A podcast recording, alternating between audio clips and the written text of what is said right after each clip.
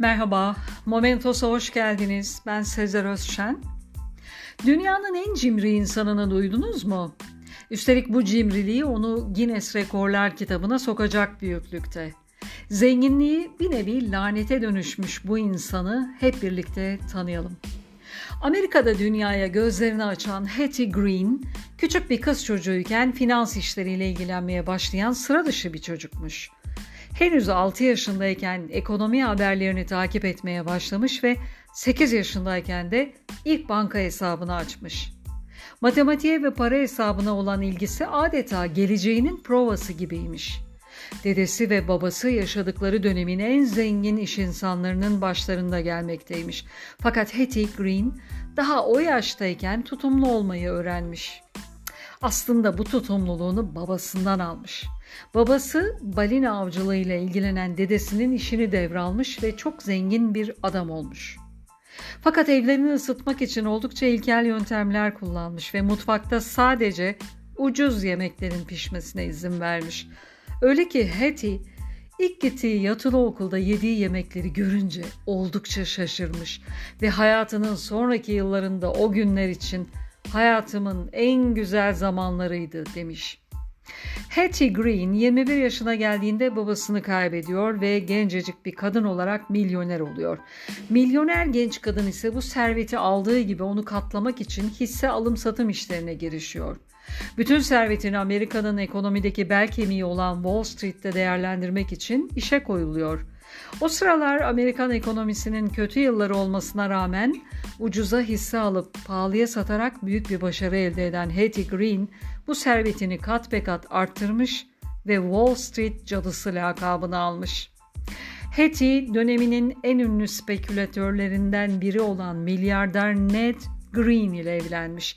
İkili Wall Street'in en ünlü isimlerinden olmalarına rağmen finans konularında kesinlikle anlaşamamışlar. Hattie mutsuz olmasına rağmen yatırımlarını yapmayı sürdürmekten hiç vazgeçmemiş. O servetini her gün artırırken Ned Green iflasın eşiğine gelmiş.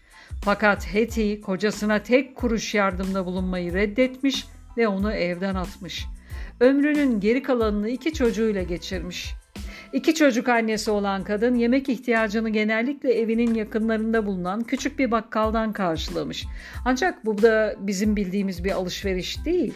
Şöyle ki Hattie Green bakkala gittiğinde ezilmiş, kırılmış, tezgahta kalmış kurabiyelerini alır ve bunların daha satılamayacağını söyleyerek fiyatının çok altında satın alırmış. Dahası da var.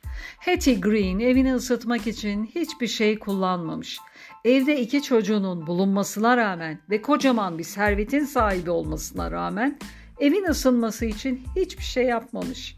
Hatta onun evinde fırını dahi çalıştırmak imkansızmış.